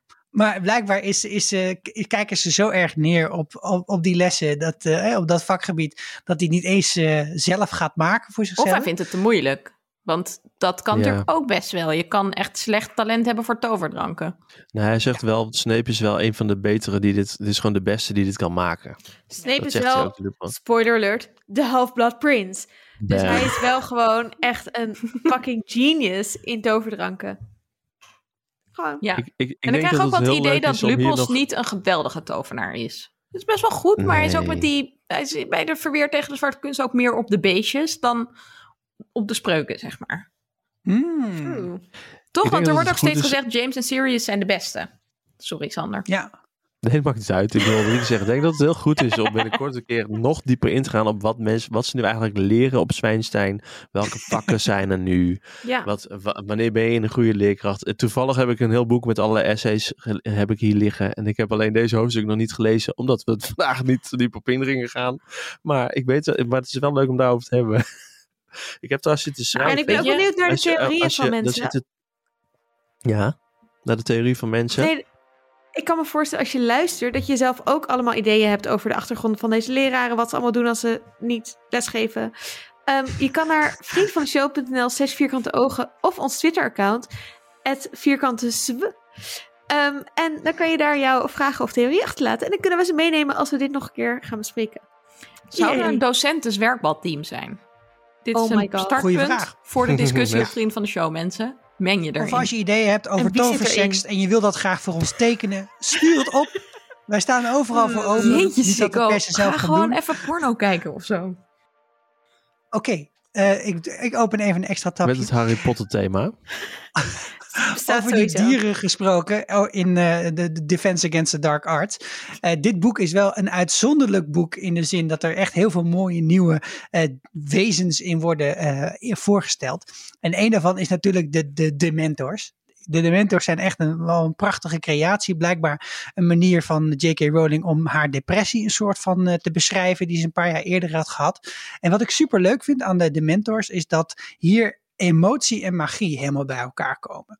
We hebben het al eerder gehad over van, nou, wat kunnen kleine kinderen dan als ze nog niet kunnen toveren. En blijkbaar is het dan gekoppeld aan emoties of aan angstsituaties, dat soort dingen. En deze dementors zijn ook echt zo'n zo'n wezen wat vreed, wat voedt op goede gedachten en alleen maar eh, slechte gedachten in jou losmaakt. En dat is misschien ook de reden. Ik vond dit boek echt, ik was een beetje jong, maar ik vond dit boek heel vervelend, omdat ik dat gevoel bijna door die pagina's heen over mij heen kreeg als ik het las. Je en het is super leuk. Ja, nou ja, niet per se depressie, maar dat, dat je dus je. wat, wat het, het is best wel pijnlijk wat het eigenlijk doet. Het zegt namelijk van ze maken de slechtste eh, herinnering in je los. Dus als je dan zelf na gaat denken, wat is de slechtste herinnering die ik heb? Bij mij kwam dat bij het lezen steeds, die, die herinneringen kwamen steeds terug. En daarom vond ik dit boek heel lang niet leuk. Ik, ik, ik vond dit een van de best bedachte eh, cre- creatures, wezens, schepsels. Ja, echt eng. Schepsels. En En eigenlijk is het een non-being, la- eh, las ik ergens.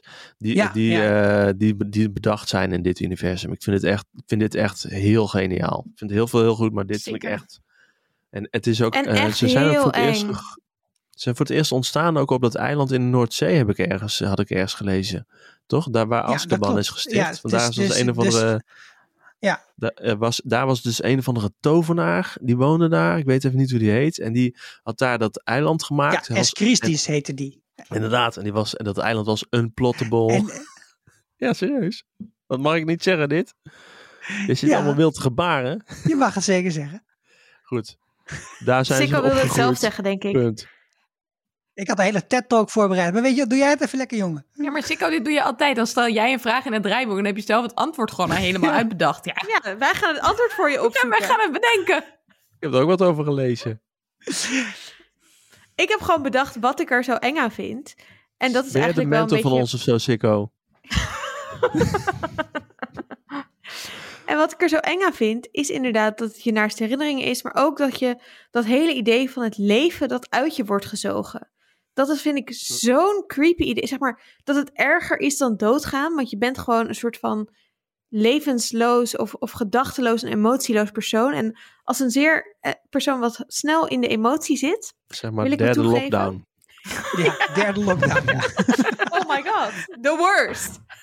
Ja, nou ja, Azkaban is in principe gewoon een hele lange lockdown natuurlijk. Maar wat ik inderdaad, wat, wat, wat heftig hieraan is, is dat het zijn ook inderdaad non-beings. En eh, wat ik ook heb begrepen is dat ze zich dus wel voortplanten. En dat doen ze onder rottende boomstronken. Ja, En eh, ja, en ja ze blijkbaar- groeien onder bepaalde omstandigheden. ja, hele Dus worden treurige niet- omstandigheden. Oh En god. ze zijn dus al heel erg lang in de tovenaarswereld, al sinds de 15e eeuw. Dus die Escrisis die heeft ze gemaakt. Dat zijn oorspronkelijk zeelui die eh, die, die naar het eiland lokten van bootjes. En daar maakten Ja. die de dementors van. Ja, dankjewel. En die Dit vonden was het chill net op het probeerde te eiland. zeggen. Toen jij heel door me heen Ja. Maar er is blijkbaar daarna een soort deal gekomen tussen eh, de Ministry of Magic en de Dementors. Van dan mochten zij blijven op dat eiland en dan zouden zij af en toe gewoon eens wat mensen naar binnen flikkeren waar ze dan eh, op konden teren. En ik vind dat eigenlijk gewoon niet ethisch, want ze weten hoe verschrikkelijk deze wezens zijn. En wat je ook hebt gedaan, ik denk dat dit kan toch nooit de straf Ja, zijn. was die- één Echt minister slechte van deal voor de dementors. Hoe communiceer je daarmee? Nou, dat vroeg ik mij ook af, maar ze kunnen dus praten. Nou, ik waardeer Want- dit. Ik had namelijk niet zelf opgezocht wat het antwoord op mijn vraag was. Dus Ik dacht leg uh, even uit. braaien. Nou, we weten alleen maar dat ze kunnen praten omdat eh, de Minister of Magic langsgaat en vraagt op een gegeven moment, heeft er blijkbaar een gesprek met ze gehad, want Sirius Black, die zei de hele tijd, hij is op Hogwarts, hij is op Hogwarts. Dus blijkbaar kunnen ze praten, maar zover kom je, maar ja, uiteindelijk sluiten ze ook deeltjes met Voldemort, dus er moet wel een soort, ja, je, moet, En met- je terecht, z'n sorry, denk even vanuit die dementors. Dus Ja. de optie is, in een fuck- fucking eiland, eh, drie half al, al bijna dode zieltjes zitten leeg te slurpen. Of gewoon door heel Engeland zonder dat iemand iets aan je kan doen. Want wat kunnen mensen doen? Gewoon lekker een beetje live zitten sukken. Ik snap wel dat ze voor Voldemort gaan. Echt een super slechte deal die ze in eerste instantie maakt hoor, sorry. Ik vraag me ook de hele tijd af, als je nou echt een hele sterke patronus hebt, kan je dan een dementor ook, zeg maar, undone maken? Want Ja. hij is dus Ja, geen volgens being, mij maar is, het is al een soort volgens van dood. kun je ze alleen verdrijven, de mentoren. De ja, maar dan zouden ze dus altijd groter worden en meer worden en dus altijd aan het vermenigvuldigen zijn op de sper. En dat geloof ik op zich, maar dat, weet je, dat zou wel betekenen waarom we al zo lang in de bad place leven met z'n allen. Ik denk dat als heel veel mensen heel blij zijn, zoals bij een festival of zo, dat ze dan een soort van weg, net als als er te veel zonlicht is voor Oké, mensen allemaal aan de drugs als de lockdown En over is. ik denk Ja, ook, ze doen me ook heel erg denken aan de Spectres in, ehm, Ja. eh, god, heet het Dark ook weer? Materials. Ja. His Dark Materials. Thank you. Ja. Ja. Maar toch, Goal. de, de, de reden waarom ze juist eh, langskomen bij die zwerkbalwedstrijd... is omdat er zo lekker Oh ja, veel mensen bij elkaar zijn. Dus het is eerder voor hun alsof ze in een soort fucking jamin Nom, zijn. nom, nom, nom, nom, nom, nom. Ik vraag me ook af over de Misschien patronen. vinden ze ik ben dan, eh, niet zo lekker dus- als tovenaars. Dat zou natuurlijk wel Nee, verklaren was- waarom we ze ja. niet altijd zien. Omdat dreuzels er ook niet in Ah. geloven. Dat was ook met een boeman. Een boeman eh, de- of een boggart. Voor de mensen die het Engels Ja. lezen. Die hebben ook minder vat op, eh, op, op dreuzels kennelijk. Omdat ze er niet in geloven. En dan denken dat het maar een, een hersenspinsel was of zo. Beetje zoals met de grim. Wat cool. Oh, Hey, Ja, wat ik me afvraag over over die patronen. hè. ja. Ga je Maakt gang. de gro- ja, we hebben het heel Ik veel over er glimmende over stelen. Nee, en over expecto electro en zo. Maakt de grote uit. Kijk, ik ben een Ik grizzlybeer. hoop het, want ik heb een wolmuis. Dus eh, anders heb ik echt een probleem. Ik denk dat de grootte dat niet, het niet uitmaakt. uitmaakt. Je hoopt het niet, dus. Ja, ik hoop dat het niet uitmaakt. Het gaat en erom ik wat je denk ermee ook kan dat het niet dus. uitmaakt, want het gaat erom wat je ermee kan. En als het super krachtig is, aha, dan, eh, ehm, want kijk, je ziet ook dat er, dat is ook gewoon in de, ik zeg nu je ziet ook, maar goed, in de films is het dus heel vaak niet eens echt een dier, maar is het een soort schild. En dat dier is gewoon voor leuk. Ook op de, als op de Lego Harry Potter ook bij Play, P- Ja. op de PS4, dan is het ook gewoon een soort eh, met een leuk muziekje, een bam bam bam, een, een silver glow. En Ik denk dus meer dat als je bijvoorbeeld een vogeltje hebt, zoals, eh, nee, ik weet niet wie had dat, of een muis, dat die dan bijvoorbeeld zeg maar in de mantel van de dementor gaat, waardoor die natuurlijk Oh, enger is. Want die dementor zit dan zo, oeh, het kietelt, het kietelt, het kietelt. en like bij een stag kan je dus meer van, oké, hij rent er gewoon vet hard tegenaan. Ja, precies. Ik ben er trouwens achter gekomen dat de patronus, eh, charm, zeg maar, dat die ook werkt tegen één ander magisch wezen. En dat andere magische wezen is echt een, een beetje van dezelfde categorie. We hebben natuurlijk een boeman boeman? die in je kast zit, een dementor, iets, een, iets wat door je huis heen waart en jij wordt heel verdrietig. En het andere dier waar, of wezen waar het tegen werkt is de zogenaamde Lettyfold. En dat vind ik zelf echt een fantastisch bedacht ding. Dat is namelijk een monster dat een soort van kleed is. En wat het doet, is midden in de nacht Oh, over ja. je bed heen gaan en je, en je verstikken. Oh, Dat vond ik een van Daar de werkt de engste uitsteken. oh, dan moet ik op moet ik, Fucking eng bedacht, toch? Echt. moet Ugh. Monsters University denken nu. Oh, Ja, Dat is een coole film. Bah. dat is, is dat Hey, de en, opvolger ehm, van Monsters Inc? Ja. Hey, en faunaten, Ah, kunnen we het ook over hebben?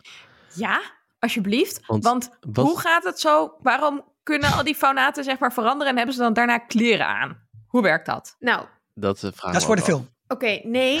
Ja, maar dat is Ook ook, voor de het boek, film. want dan heeft Peter Pettigrew heeft gewoon meteen weer kleren aan. Ja, Hmm. terwijl Sirius later dan ik een jas mee moet nemen als hij dan eh, op het station is. Dat hij anders in zijn blote pielenmuis eh daar staat. Is dat in de film? Dat telt het niet. Is dat Nee, echt een dat ik of is het een, oh, zo'n woelmuis?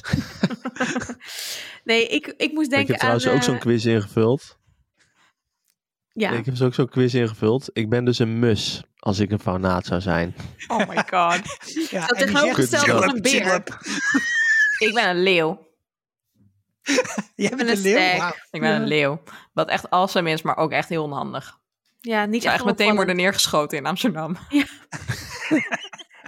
Ik niet. Ik kan gewoon ongegeneerd op het terras bij mensen pindas jatten.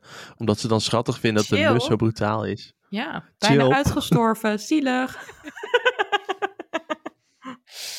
Maar over Oh, kleding en- moest ik denken aan Ja. Dungeons Dragons. ehm, waar ik, ik speel Dungeons Dragons en dan ben ik een druïde. En die kan wild shape, kan veranderen in een dier. Ehm, en dan kan je zeg maar kiezen of je ehm, je kleding en je spullen wil achterlaten. Want dan kan je er nog eventueel iets mee doen. Of kunnen je vrienden er wat mee doen. Of, en dat doe ik altijd, dat je het soort van je dier, je verandert in dat dier met al je spullen. Dus die veranderen mee. Dus soms dan geef, zeggen al mijn teammates, hier, neem al onze spullen ook. Verander even het dier. Dan hebben wij Ja, handig. hebben die values heb jij dan bij je. Ehm, en dan verander je terug en dan heb je het allemaal nog.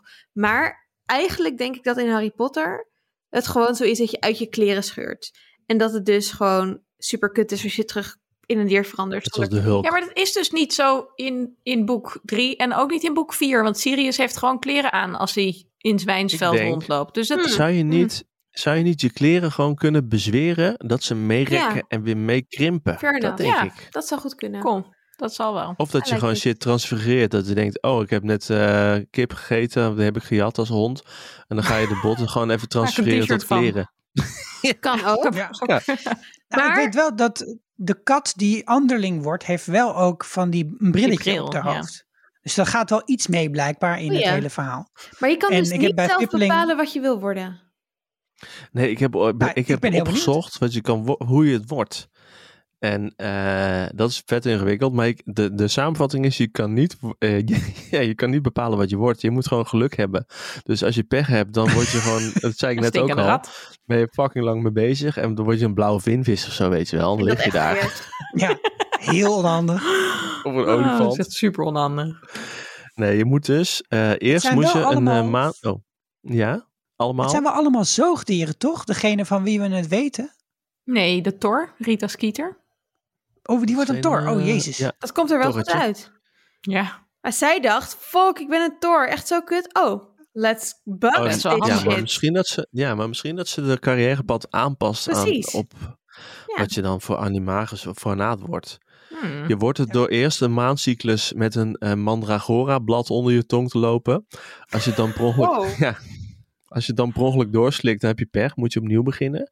Eh, Oh. En dan als bij de volgende volle maan moet je in het eh, maanschijnsel moet je dat uitspugen in een soort eh, ketel. En dan moet je allemaal shit erbij doen. Als dan toevallig bewolkt is, heb je pech. Dan moet je weer opnieuw beginnen. dan moet je weer een maand.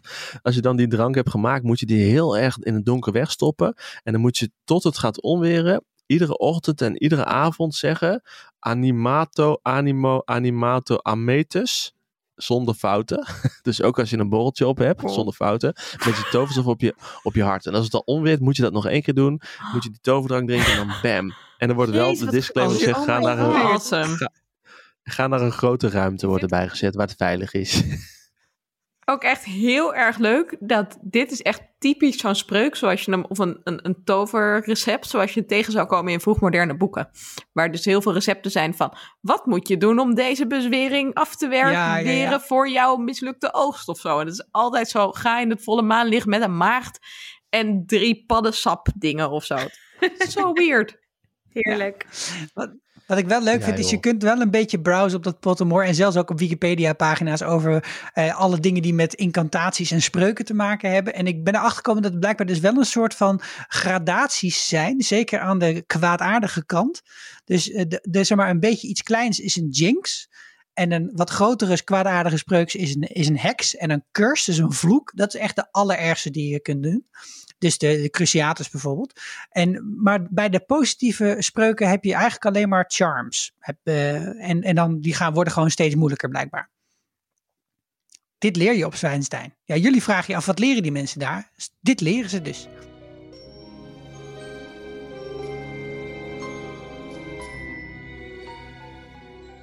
Het is tijd voor de bespreking van de verfilming. Want de derde film in de reeks is anders. Ja, want ja, dat is een andere perkamentus. En de leerlingen dragen hun uniform ineens gepersonaliseerd. Het is allemaal wat krommer, wat vreemder. De shots bewegen, er is geld uitgegeven aan special effects. En het lijkt alsof er is over nagedacht. Alfonso Cuarón is dan ook een hele andere regisseur dan Chris Columbo. En daarom is ook John Williams even opnieuw op de componeerstoel gaan zitten. Weet je wat die Quaron heeft gedaan? Die heeft dus Nou? gevraagd aan Emma Watson en aan eh, Daniel Radcliffe en aan Rupert Grint om een essay te schrijven vanuit het eh, point of view, vanuit hun karakter, om beter kennis te Oh, maken ja, met ja, hun ja, ja. karakter. En Emma Watson heeft 16 kantjes ingeleverd vanuit haar rol als Hermelien. Daniel Radcliffe heeft één kantje ingeleverd. En Rupert Grint heeft gewoon nooit, het, nooit ingeleverd. Toch cool. Chill.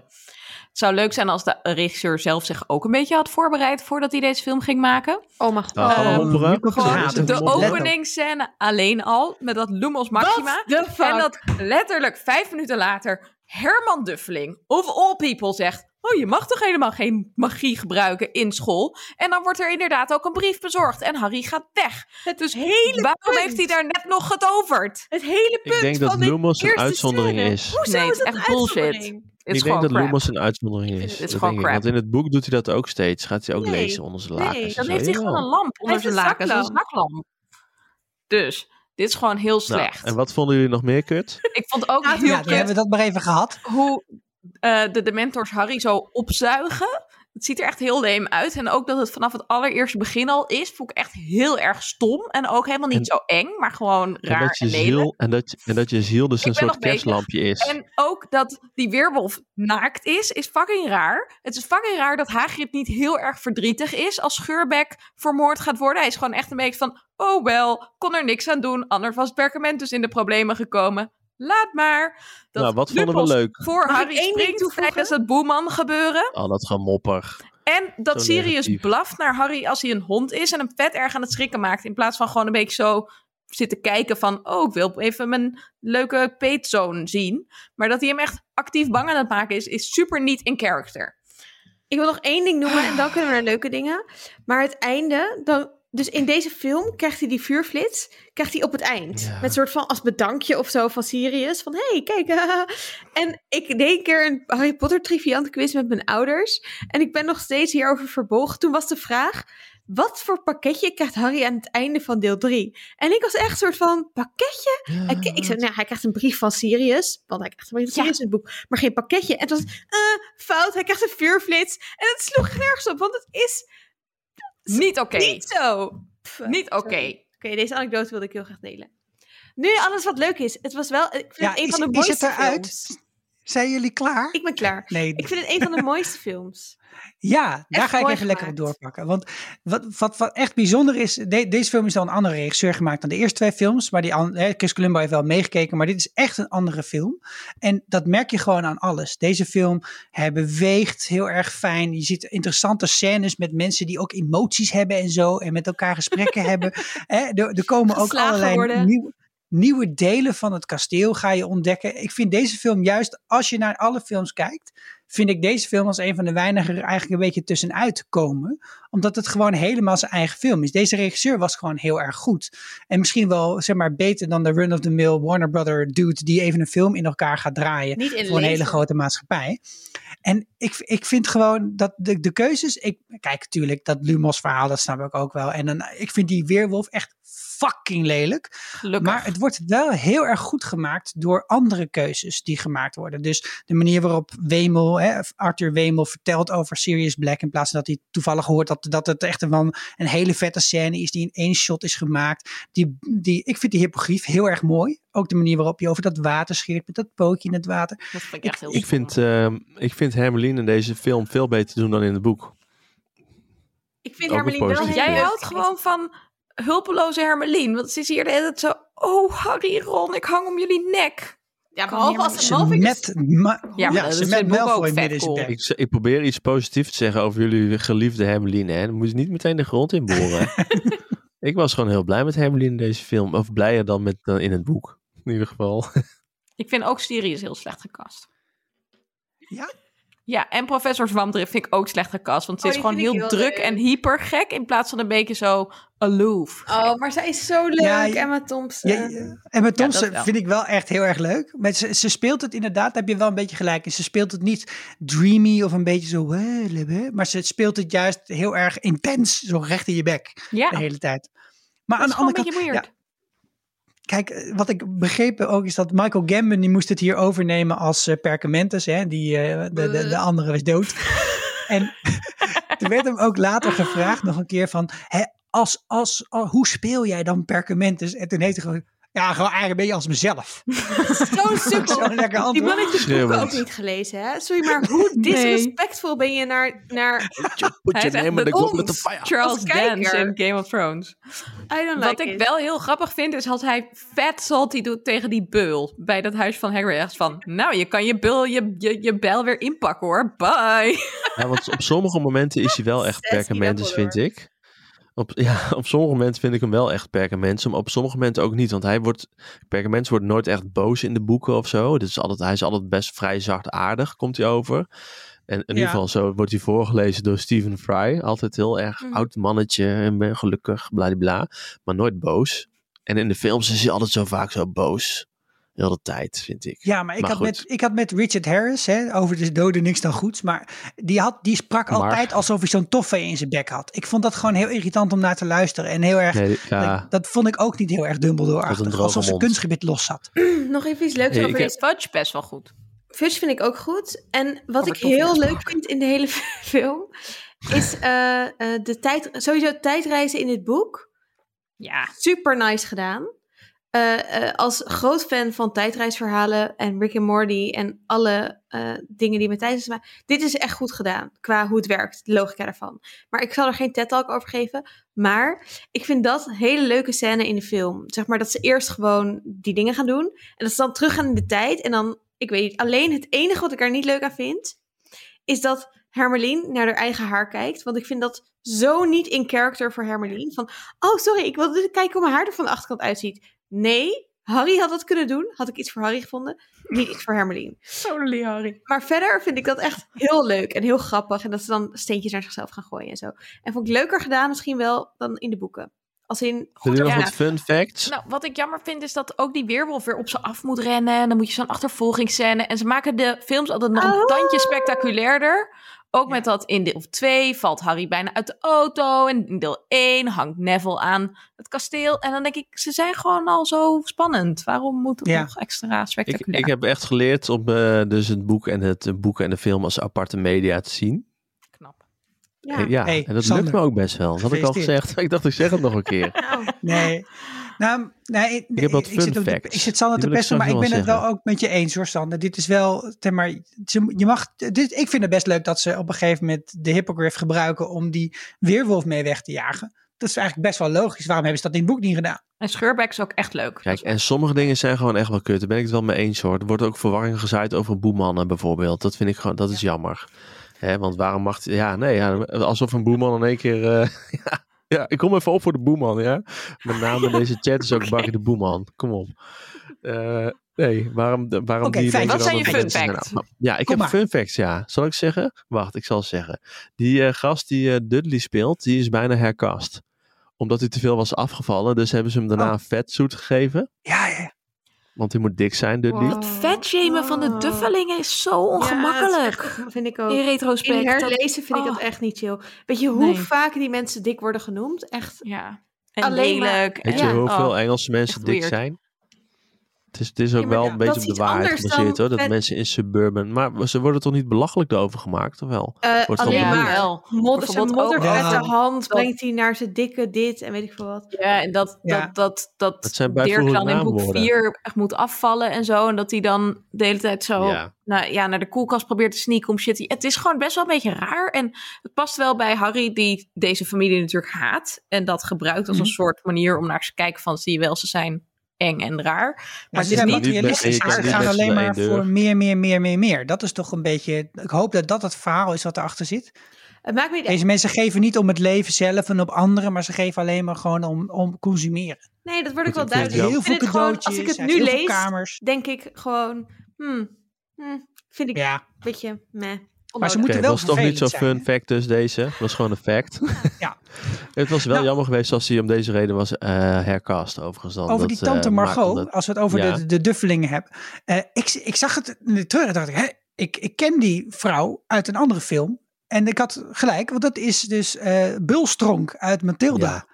Ja, En leuk wat grappig is, blijkbaar gaat Emma Thompson in een nieuwe remake van Matilda, want we maken alleen nog maar dingen opnieuw, Nee, gaat zij dus Bulstronk spelen. waarom komt er een remake van Mathilde? Mathilde is een Ja, dat komt er perfectly niet. Ja, weet ik perfect veel. film. Nou, er komen ook Ah. een remakes van Harry Potter ooit wedden. Hmm, nou, Denk ik ook. Ik Ja. heb wel een fun fact Dan over, wil ik- over eh, knikkenbeen. Leuk. Ja. Hoe hebben ze Ja, die gefokt? Nee, nee, ja, hoe hebben ze die gefokt? Nee, er zijn twee katten die spelen knikkenbeen. Namelijk Crackerjack en Pumpkin.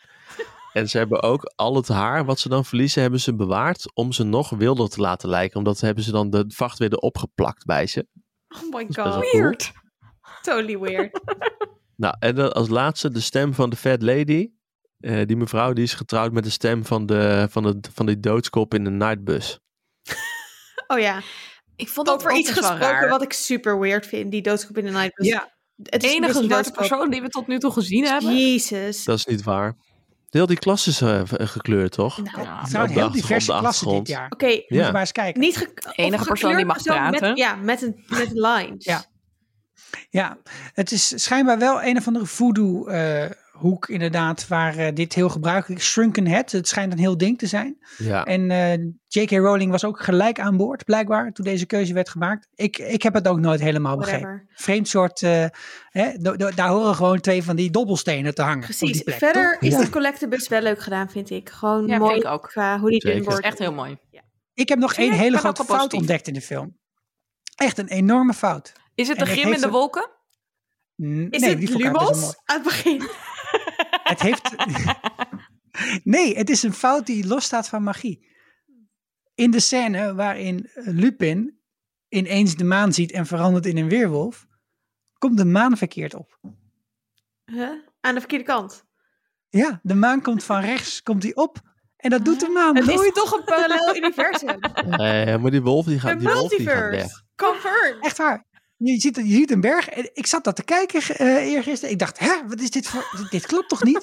Het, ik heb ook nog niet gekeken op IMDb of het al, al ooit is als, als, eh, als fout is aangemerkt. Hier moet je een kan Reddit gewoon post niet. over maken, Sico. Ja. Een Reddit Ja, dit post gaat heel- met schema's. Ja, Een TED Talk. Please, dit wordt je TED Talk. Hebben- Zijn er nog meer TED Talks over de film? Nou, ik wil iets vertellen over de muziek. En eh, we hebben dat namelijk nog helemaal niet over gehad. En deze film die vraagt eigenlijk om om het wel even te doen. De filmmuziek is, zoals bijna altijd bij deze shit, gemaakt door John Williams, die ook Star Wars, eh, Jaws, Jurassic Park, E.T. en al die andere crap heeft gedaan. En blijkbaar heeft hij voor de tweede film gewoon gezegd, ja, pak gewoon dat van de eerste film en eh, doe eh, zo nog een keer. Eh, maar bij de derde film had hij met die Quaron een goede man, blijkbaar. En ze hebben er echt een andere film van gemaakt, die veel donkerder is. En eh, allemaal, in plaats van het hele verzadelde kleuren, moest het allemaal anders. Hebben ze een hele nieuwe soundtrack gemaakt. En een van de onderdelen van die nieuwe soundtrack, die zul je gelijk herkennen als we dat eventjes afspelen.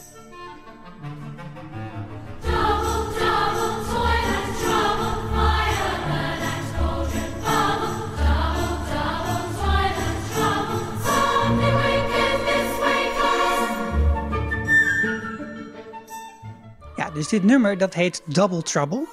En de tekst die erin zit is van een eh, sonnet of een gedicht van Shakespeare, geleend. Waar ook heksen in zitten. En eh, op hele subtiele manier wordt dit ook de soundtrack van Zwijnstein in, dit hele, in deze hele film. En hij is echt, dit, dit is echt heel anders dan de andere films ze eh, in elkaar hebben gezet. Maar deze, je krijgt daardoor gewoon een hele andere feel bij deze film. Ik vind het heel erg knap gemaakt van John Williams, deze hele soundtrack. En het is doorgevoerd in alles. Dus hij heeft bijvoorbeeld ook voor alle verschillende eh, karakters heeft hij ook leidmotiefjes weer zitten maken. En zo heb je een leidmotiefje voor eh, Peter Pettigrew. Dat is namelijk pim pim pim pim pididum. Dat herken je, want dat hoor je als hij op de Oh, leuk. kaart zit te kijken. En voor Zwarts heeft hij een leidmotiefje wat precies het tegenovergestelde doet. Nou, hier is ook een hele podcast over, die heet De Baton en het gaat over John Williams. Raad ik aan om eentje van te luisteren. Maar ik vond dit echt fantastisch om een keer helemaal in te duiken. En ik raad het jullie aan om hetzelfde te doen. Cool. Dankjewel. Ik vond het een leuk liedje, Something Wicked This Way Comes. Met die padden. Ja, dat toch? koor vond ik wel grappig. grappig, ja. Anders, dat is dus weer een andere club. Hè? Daar hadden we toch eh, twee weken geleden ook over. Bij, toen we het Harry Potter 1 bespraken. Over al die verschillende clubjes en teams en zo. Oh ja. Dus dit koor, dat is ook weer Er een is een nieuwe club. En ik neem, Ja, Glee en- Club. Glee Club. Hier zou ik heen gaan. Harry Potter. En die ze dan tegen Bobaton? Of naar regionals? gaat ze naar regionals. Wat ik me nog afvraag is wel, wanneer hebben ze dan in vredesnaam dat nummer ingestudeerd? Ja, dat vroeg ik me ook af tijdens het Of kijken. doen ze dat over Zoom? Nee, dat doen ze gewoon. nee, dat is een langlopend Ja, koor, denk ik. Dat, mag ieder jaar ervoor. komen daar gewoon mensen bij. En dan eh, eh, zitten er gewoon drie studenten van jaar 1, drie studenten van jaar 2. Dus die kennen het repertoire al. Ah, zo Dat werkt denk het. ik. Zo werkt het met Oké. koren. Hebben we daarmee de film behandeld? We hebben in ieder geval afgebrand. Ik weet niet of we hem volledig behandeld hebben. Mooi, want dan hebben we nog wat luisteraarsvragen binnengekregen. Eh een van die vragen is van Marco. En die stelt de vraag: Stel dat de sorteerhoed een gelijke verdeling heeft gemaakt. Tien in elke afdeling. Wie is er dan in plaats van Harry naar Zwadrig gegaan? Sowieso Sabini. Dat is wel een coole vraag. Sabine. Ja, nou Nee, ja, eh, Nee, gezien. het is, het is niet, het is niet in Iemand die plaats van Harry P naar? Zwadrig. Nee, oh, oké. Je kan ook zeggen wie is er in plaats van Harry naar Zwadrig. Want ik, je moet eigenlijk zeggen, als Harry naar Zwadrig was gegaan, wie is er dan in plaats van Harry naar Gryffindor gegaan? ja, ja, ja, En dan is het, moet het bijna wel Sabini zijn, want ik weet niet welke zwadderaar net een naam na de P nog komt.